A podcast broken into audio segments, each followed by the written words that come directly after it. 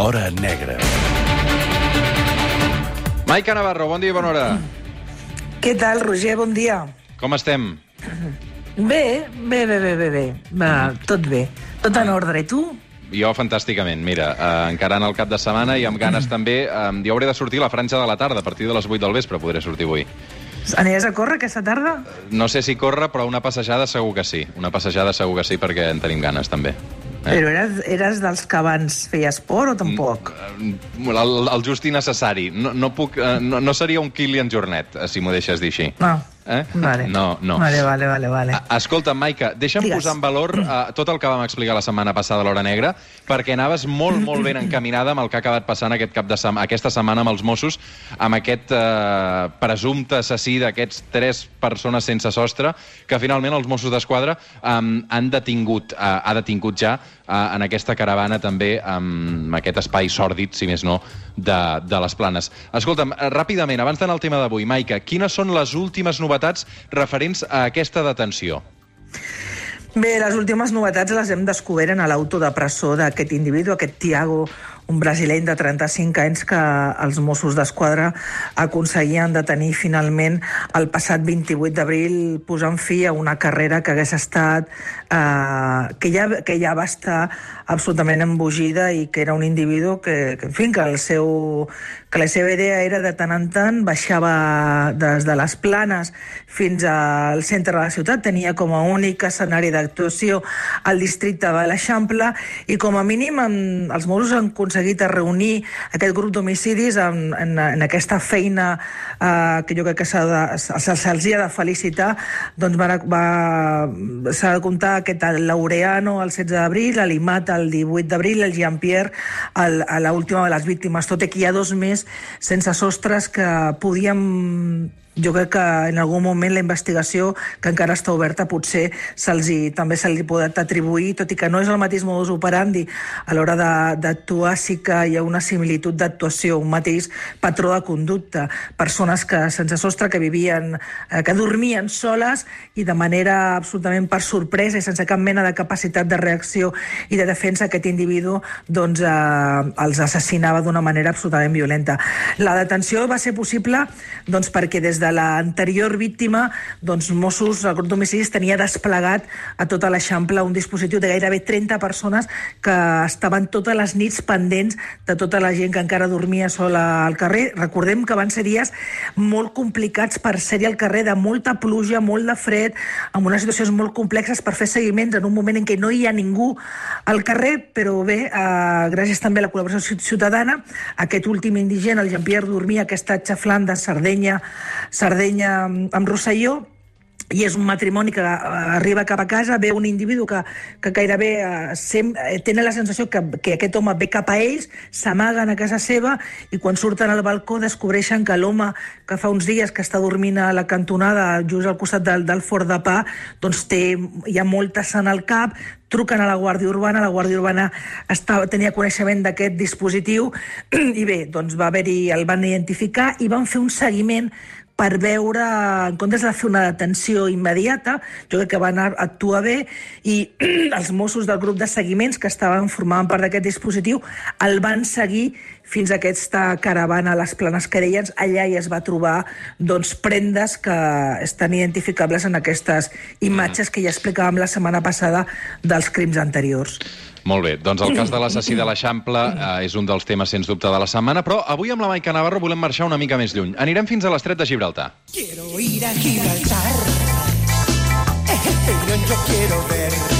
Maica Navarro, ara mateix el tràfic de droga a Barcelona continua actiu i amb el confinament um, s'ha reduït, però ni segueix havent. Ha canviat. Uh, aquesta setmana hem sabut que d'entrada hi ha hagut una operació antidroga molt important al Delta de l'Ebre, oi, Maica? Sí, sí, sí, més important i sobretot important pels Mossos perquè estem parlant de la incautació més important de tota la història de Mossos. Estem parlant d'11 tones de hachís.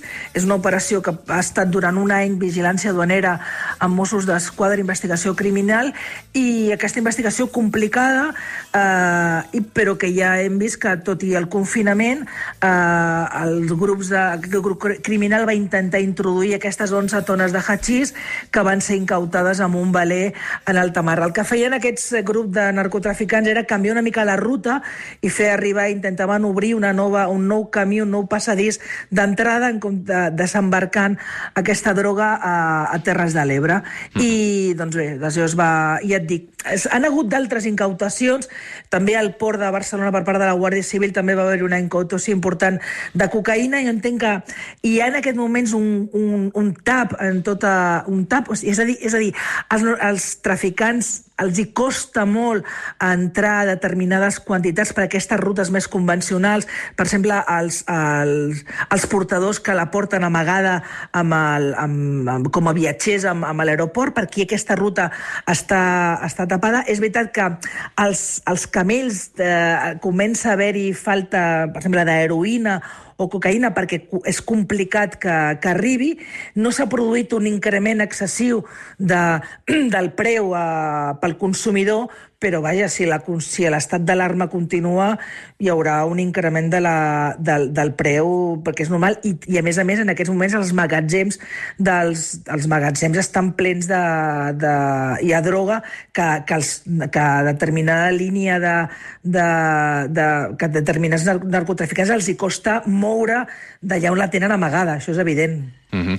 uh, dius que aquests dies, Maica, has llegit un llibre que t'ha enganxat moltíssim que es diu Moro Loco, no? I que precisament retrata uh, una mica tot això.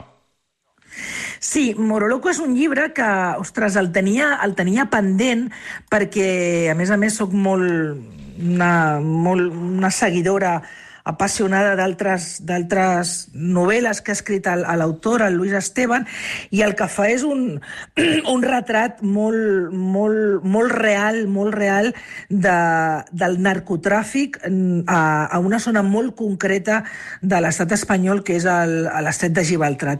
I és, un, és, és una ja et dic, és una crònica gairebé periodística, però, que, però en format novel·la, amb uns personatges absolutament ben dibuixats, en el que hi ha doncs, allò, aquesta lluita a vegades tan desigual entre les forces de seguretat, en aquest cas la Policia Nacional, el protagonista és un, és un inspector en cap d'allà de, d'Algeciras, el Zabalza, amb un, i que ha de lluitar contra el, el capo de, dels narcotraficants de, d'Algeciras. És una, és una gran novel·la, molt ben escrita i que, com deies, Bueno, me l'he polit en tres dies perquè m'ha tingut absolutament enganxadíssima. Doncs deixa'm que saludi el seu autor. Luis Esteban, buenos días. Muy buenos días. El Luis és l'autor de Moro Loco, aquesta novel·la apassionant sobre el narcotráfico a la zona del camp de, de Gibraltar. Ah, en el libro, Luis, lo cuentas muy bien. Eh, en la comarca del campo de Gibraltar uh, se concentran tres fenómenos, el narcotráfico, uh, la inmigración también, a menudo ilegal, y la lucha contra el yihadismo. ¿Algeciras ahora mismo es uno de los destinos más complicados que le puede tocar a un policía? Sí, sin duda. Es uno de los destinos más complicados, pero al mismo tiempo también uno de los más apasionantes, precisamente por la confluencia de esas tres modalidades delictivas que acaba de describir. Uh -huh. um, hay mucha gente, entiendo, que trabaja directamente en el, en el tráfico de hachís en esta zona, ¿no? Es difícil cuantificar el número de personas que viven directamente del tráfico de hachís en la zona. Siempre se ha hablado que hay, digamos, desde de, de Trafalgar hasta la línea de la Concepción, pasando por Algeciras, que sería, digamos, toda la costa del campo de Gibraltar, hay unos 30 grupos organizados que viven directamente del hachís. Eh, pero es difícil de cuantificar. También hay que tener en cuenta que, aparte de las personas que viven directamente del tráfico de hachís, hay otra serie de actividades económicas que se ven beneficiadas por el gran flujo de capitales eh, que, el, que el tráfico de drogas eh, permite en la zona. ¿no? La hostelería, los concesionarios de automóviles, la propia construcción se ven beneficiadas por este flujo de capital. Uh -huh. ¿Cómo ha cambiado el negocio, la situación de, de, de confinamiento y la situación del, del coronavirus?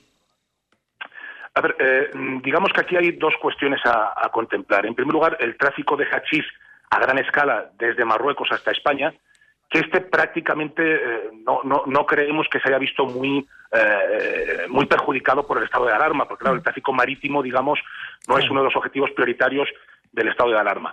Lo que sí se ha visto dificultado es el, es el tránsito terrestre de las mercancías, evidentemente, porque hay muchos más controles tanto de vehículos como de personas, eh, establecidos por, por parte de, la, de las fuerzas y cuerpos de seguridad, no para el control específico del tráfico de drogas, sino más bien para el cumplimiento, para verificar el cumplimiento de lo dispuesto en el Real Decreto de Estado de Alarma. Pero evidentemente eso perjudica y dificulta los movimientos terrestres de la mercancía. Hmm.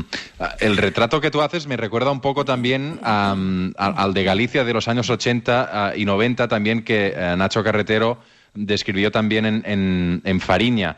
No sé si se puede comparar. Sí, se puede comparar. De hecho, creo que hay un paralelismo muy claro entre el tráfico de cocaína, eh, bueno, que empezó con el hachís también en, en, en Sí, eh, Galicia y el tráfico de hachís, que también es de cocaína a través del puerto en, en Campo de Gibraltar. ¿Por qué? Porque ambos tráficos de droga, eh, digamos, se sustentan sobre dos, sobre dos circunstancias. Una, eh, poblaciones, capas de población depauperadas, eh, empobrecidas, con mucho paro y una perspectiva laboral, un horizonte laboral malo, y luego además eh, el aprovechamiento de unas redes ya existentes de contrabando de tabaco. Entonces, estas dos circunstancias favorecieron el tráfico de drogas tanto en, en Campo de Gibraltar como en Galicia. Y además, hay que sumar a esto que la respuesta del Estado, instigada por el tejido civil, el tejido social, en el caso de Galicia, la- las madres de los drogodependientes, que, eh, que hicieron muchas manifestaciones públicas y ocuparon mucho espacio mediático, y en el caso de Campo de Gibraltar, también otro tipo de asociaciones, todo esto hizo que, digamos, el Estado se viera obligado, como no, a reaccionar, a mandar más recursos humanos y materiales a la zona, a adoptar una serie de medidas de tipo legal, organizativo, etcétera, que han traído tanto en el caso de Galicia como en el caso de Campo de Gibraltar el resultado beneficioso de que se le ha dado un giro de 180 grados, un giro copernicano a la situación y ahora mismo el Estado de Derecho, que nunca estuvo en entredicho en la zona, pero en fin, que podía flaquear en algunos momentos, ahora mismo rige con pleno vigor. Mike, endavant. Hi ha una... Sí, jo crec que a la novel·la de, del Lluís hi ha una, hi ha una reflexió també per aquesta fotografia perfecta que fa de com, de com es belluguen els, com actuen els, els narcotraficants, també aquesta, aquesta sensació que, que a vegades eh, la gent té des de fora de, de, i sobretot en aquella zona de, de gairebé convertir-los en una mena de com d'herois de, de, de, de la zona, són Pablos Escobares, no? que la gent els té una mena com d'admiració. Explica molt i molt bé la, les, les, els tentacles, la capacitat de, corru de corrupció que té el crim organitzat. Y creo que en Moroloco explicas muy bien, Luis, esa, esa capacidad de, corru de corrupción que tienen en esferas políticas, en policiales, guardias civiles y tú que estuviste un tiempo como jefe de, de, la comisaría de Algeciras, en uno de los momentos más complicados y más, y más complejos de esa, de esa lucha sin cuartel, eso se, lo vivisteis, ¿no? De cómo la capacidad de, de corromper que tienen estos individuos. Sí, buenos días, Maika. Eh, buenos días, sí, Luis. Evidentemente, uno de los, una de las notas características del crimen organizado eh, en campo de Gibraltar o en cualquier otra área geográfica es su capacidad de corromper. De hecho, la Unión Europea, eh, como una de esas notas características para que un grupo pueda ser catalogado policialmente como grupo organizado, una de las notas que exige es esa capacidad de corrupción. ¿no? He de decir, no obstante, que hombre, en la novela, evidentemente, pues se toma ciertas licencias literarias. Sí que existe esa capacidad de corrupción, pero estamos a años luz de la corrupción que pueda haber en Colombia, en Brasil, en México mm. y demás. ¿no?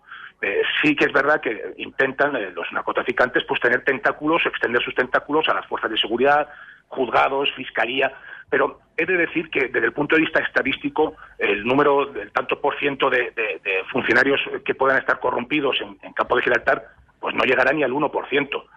Eso no uh -huh. quita para que ese escaso margen o ese escaso porcentaje de, de, corrupción, de venalidad entre los funcionarios de la zona sí que sea, sea operativo para el narcotráfico. ¿no? A veces el narcotráfico no necesita muchos agentes corruptos, necesita uno ubicado en un lugar estratégico, en una comisaría, en un cuartel de la Guardia Civil o donde sea. ¿no? Pero insisto en que el 99, y me quedo por, tu, o más por ciento de, los funcionarios de la zona son pues, de, de, de, una honradez y una honorabilidad equiparable a la de cualquier otra parte de España.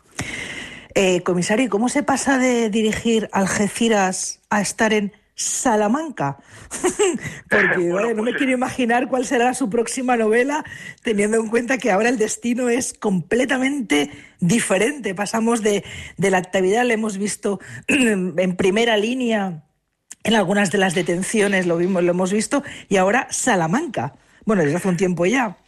Sí, hace, hace un año aproximadamente. Sí, claro, la, las, las, los requerimientos de la seguridad ciudadana en una zona y en otra son diametralmente eh, opuestos, no muy, muy distintos. No obstante, esta zona, Salamanca, tiene una tasa de criminalidad muy por debajo de la media nacional. Aquí no hay crimen organizado apenas, o el, que hay es de baja intensidad. Pero no obstante, siempre hay en cada, en cada provincia, en cada territorio, en cada comunidad autónoma, hay, hay siempre unas especificidades que hacen que, que la policía siempre se encuentre ante retos.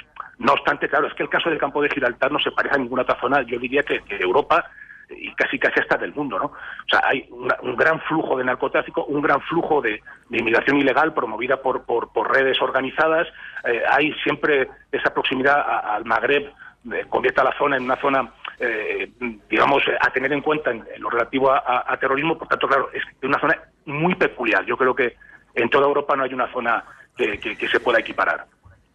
Este, usted imagino que ha, sabido esta, ha sabido de esta operación de Mossos, de esa nueva vía que intentaban abrir narcotraficantes, introduciendo ya, alejándose del campo de Gibraltar, imagino por la presión tanto de Policía Nacional, Guardia Civil, e intentando subir más arriba, buscando caladeros más seguros en el delta del Ebro. Eso, cuando en la época estuvieses en Algeciras, ya habéis constatado ya ese intento de cambiar la- los lugares para, para desembarcar esas nuevas rutas que buscaban en la- los narcotraficantes?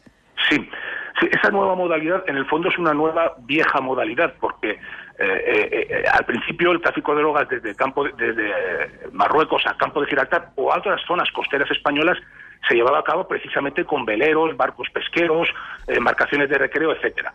De hecho, las narcolanchas, digamos, pueden tener a lo mejor pues unos 30 años aproximadamente de antigüedad y quizá me estoy pasando. Y efectivamente, yo, bueno, yo trabajé en Cataluña, como bien sabes, durante 17 años y, y ya en mi época en Cataluña, que yo estuve ahí hasta el 2003, desde el 96 hasta el 2003, eh, ya había, eh, ya llegaban barcas cargadas de barcos pesqueros, embarcaciones de recreo cargadas de hachís hace en, en- en mis, en mis tiempos, ¿no? Y luego en campo de Gibraltar, ante la presión de las fuerzas y cuerpos de seguridad en la zona, pues claro, eh, los, eh, el crimen organizado se ha visto obligado a buscar otras vías y otras zonas geográficas de introducción del hachís. Básicamente, como bien has dicho, barcos pesqueros, embarcaciones de recreo y luego también hacer uso de, de lo- de los, de- del transporte de contenedores en, en los puertos, entre otros el puerto de Algeciras, pero cualquier otro puerto de España, incluido el de Barcelona. De España o de ¿Estás Europa. preparando nueva novela, Luis? Hombre, eh, lo- los escritores, incluso los, los, los diletantes y, y amateurs como yo, siempre tenemos alguna idea germinando en la cabeza. Mm, que que sí. Cada vez, eh, cada vez tengo menos tiempo para escribir, la verdad, pero sí, algo, algo estoy maquinando ahí. Uh, Luis Esteban, comissari, autor de Moroloco, un llibre que recomanem moltíssim amb la Maica Navarro. Sí, Um, gràcies per és atendre'ns sí. aquest matí. Uh, que tingui un bon dia. Gracias a vosotros, buen día. Molt bé. Um, Gràcies, i, Lluís. I Maica Navarro, um, Digue'm. moltes gràcies també uh, avui, perquè també ens va bé um, descomprimir aquest uh, confinament amb uns quants llibres. Ara, de fet, en parlaré també amb el, amb el Jordi Puntí de llibres, d'acord? Escolta'm, quan ens podrem abraçar, tu i jo? Doncs encara no, encara no tenim permís. Vull dir que... I crec que va per llarg, eh, la cosa. O sigui, res. De moment, res. Com està el Simon, per cert? Ens ajuda bastant aquesta situació per Sí. col·locar cadascú al seu puesto. Doncs mira, està el tira ara mateix, als peus, Ah, sí? absolutament cau, dormit. És un, Ah, ah. com és un bebè, dorm. Però escolta, però bé, es porta molt bé, no? És molt sigilós, aquest gos. Bueno, és un... Bueno, és, clar, si l'eduques bé i, a més, els, els gossos diuen que són molt el mirall de, de la gent amb la que viuen. Sí, I és, doncs. ell es porta bé perquè jo em porto bé. Ja, ja, ja. Molt jo bé. el veig i em veig. El miro i em veig. No sé qui haurà sortit, el gos. Molt bé. No, Maica Navarro, No, des de luego. una abraçada. Adéu, adéu, adéu. Adéu, gràcies. Adéu. Adéu-siau.